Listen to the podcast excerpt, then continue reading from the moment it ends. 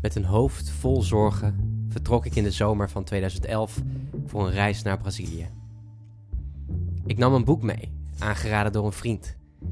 Denk groot en word rijk van Napoleon Hill. Het boek en de reis veranderden mijn denken en daardoor mijn leven. Meer hierover vind je in mijn boek Verlangen naar minder. Ik ben altijd nieuwsgierig gebleven naar verhalen van andere mensen. En dit was voor mij de aanleiding voor het starten van deze podcast. In de podcast Eén Boek interview ik mensen die net als ik een boek hebben gelezen dat hun leven veranderde.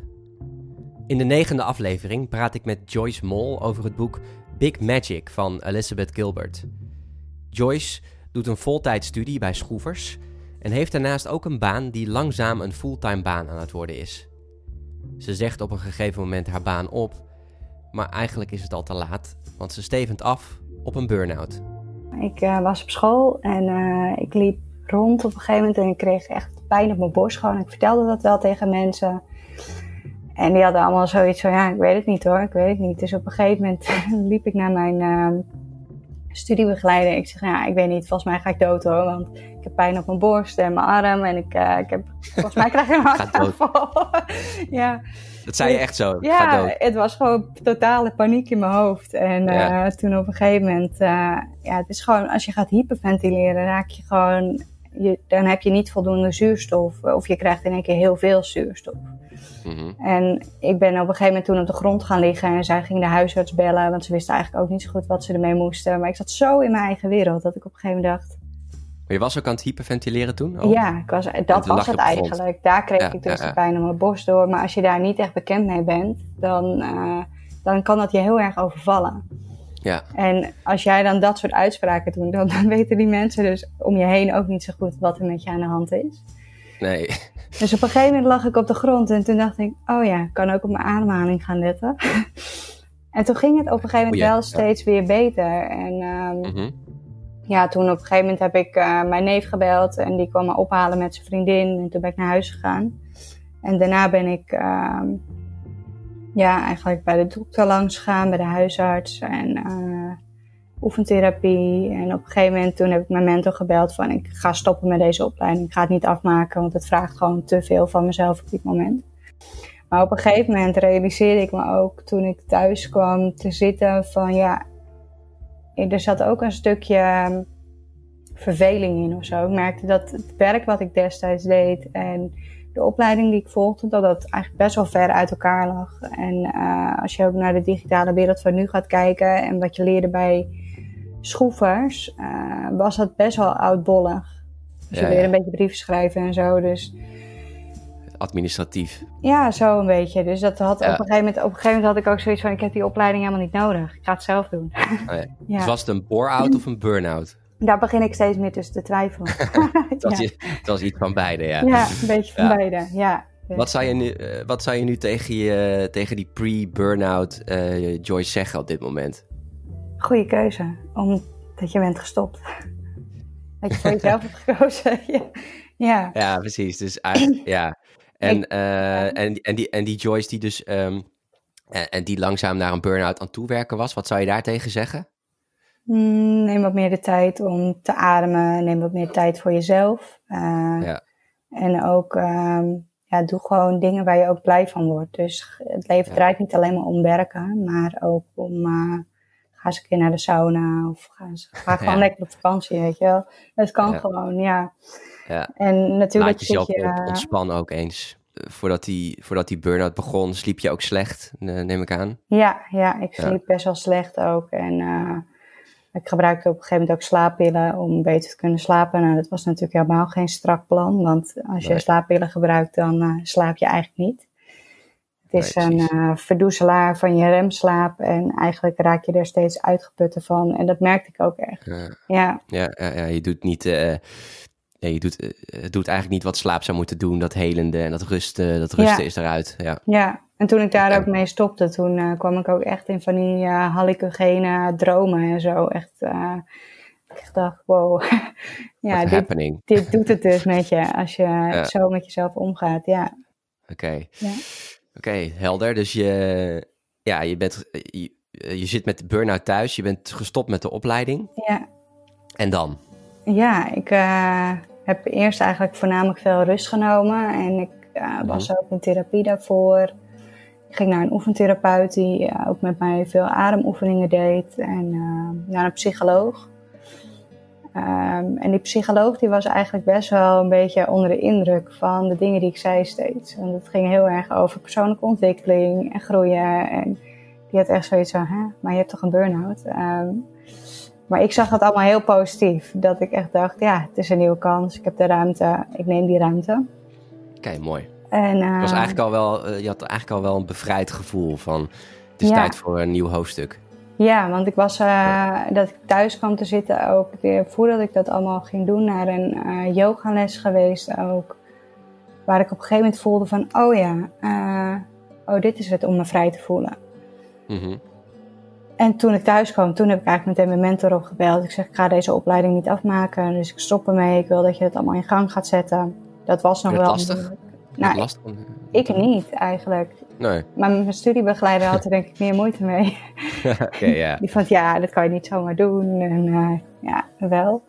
Het moest administratief nog allemaal weer geregeld worden. Ja. En was er op dat moment, uh, want je was gestopt met die studie, was er op Ja. dat moment, voelde je ook wel een bepaalde druk van ik moet toch geld uh, gaan verdienen? Of was dat even helemaal niet aan de orde? Nee, dat was even niet aan de orde, want uh, Nee. ik had toen een studiefinanciering en die liet ik gewoon doorlopen tot het einde van het schooljaar.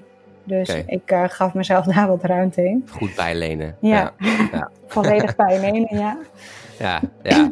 Ja, Heel fijn dat het dan kan. eh, En dat je dan de tijd kunt nemen voor jezelf. Want later verdien je het wel weer terug. ja inderdaad. Ja, Ja. ja. Ja. En dat was in het begin ook wel moeilijk hoor, maar uiteindelijk heeft mijn uh, studiebegeleider wel gezorgd dat dat gewoon allemaal kon. Ja. Ja. Mooi. Dus, uh, En um, nou, je, je, je, kiest dus, je hebt dus eigenlijk dat boek gewoon puur uitgekozen op, uh, op een onderwerp. Niet zozeer dat iemand je dat heeft aangeraden. nee, nee. Je bestelt het boek, je neemt het mee naar Spanje. En, en dan, wat gebeurt daar?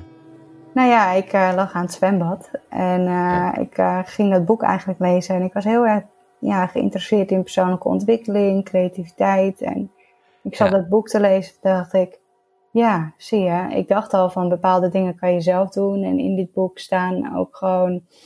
Zij beschrijft op een hele leuke manier hoe je met je eigen creativiteit om kan gaan. Dus er zijn twee kanten.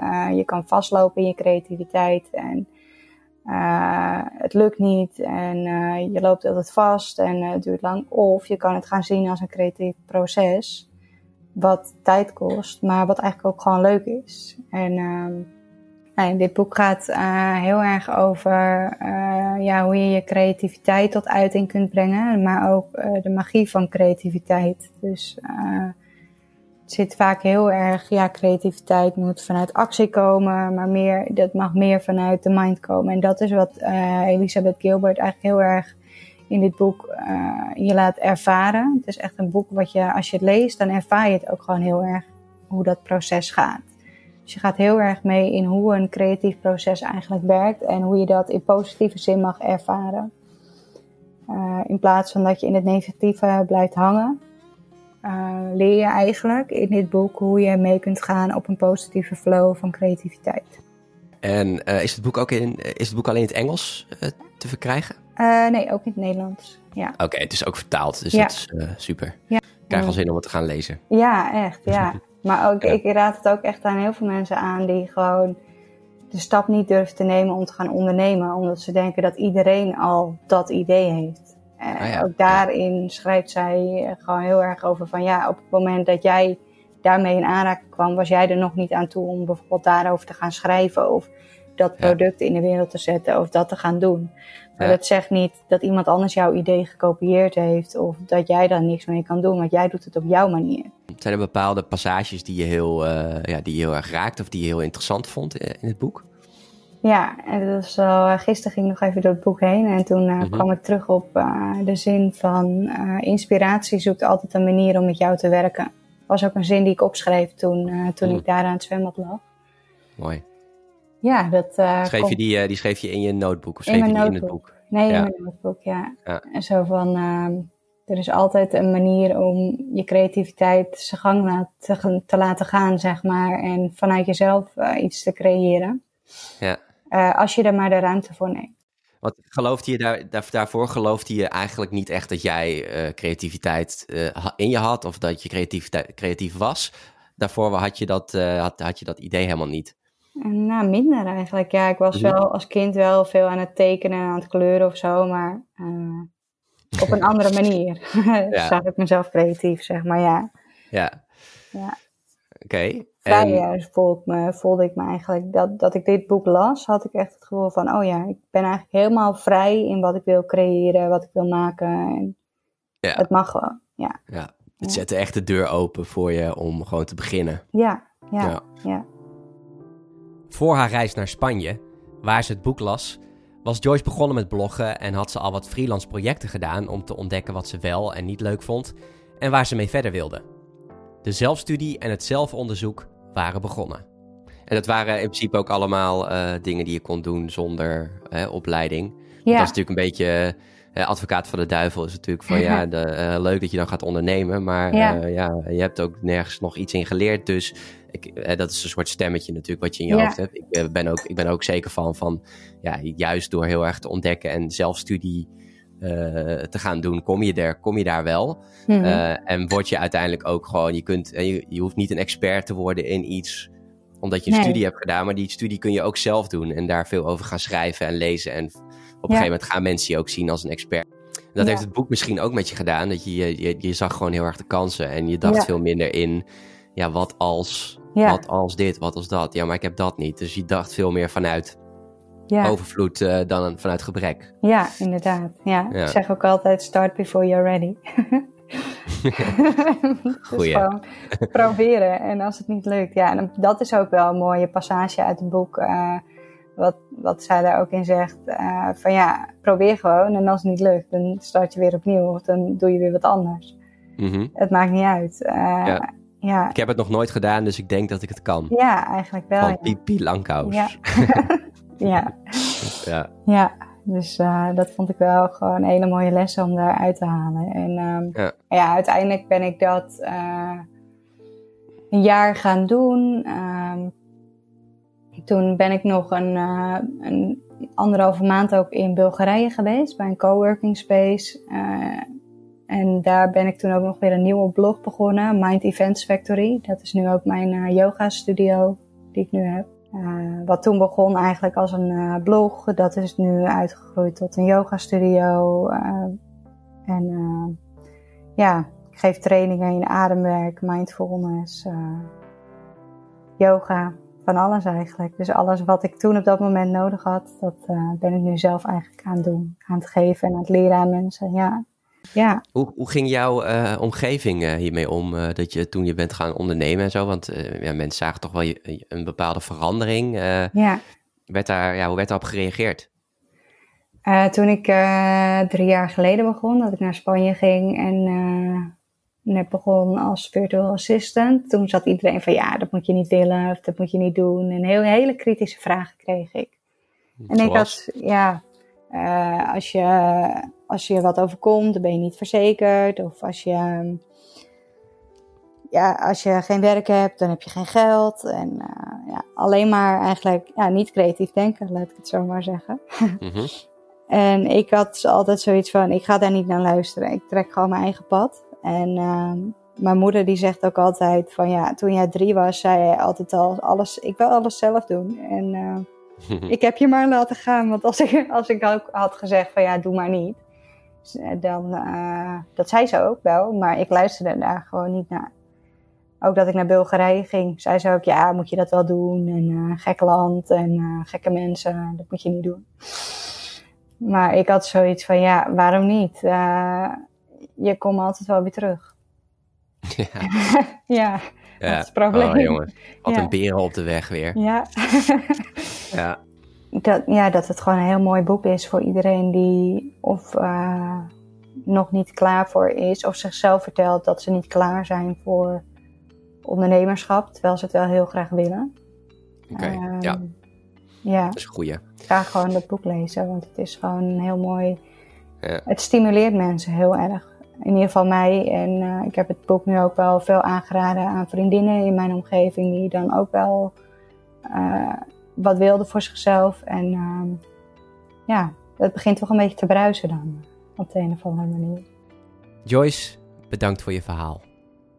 Heb jij nou ook zo'n verhaal zoals Joyce met een boek dat je op het juiste moment las en je leven veranderde? En lijkt het je leuk om dat in deze podcast te vertellen? Ga naar growthinkers.nl slash een boek en vul de survey in. Bedankt voor het luisteren en tot de volgende aflevering van 1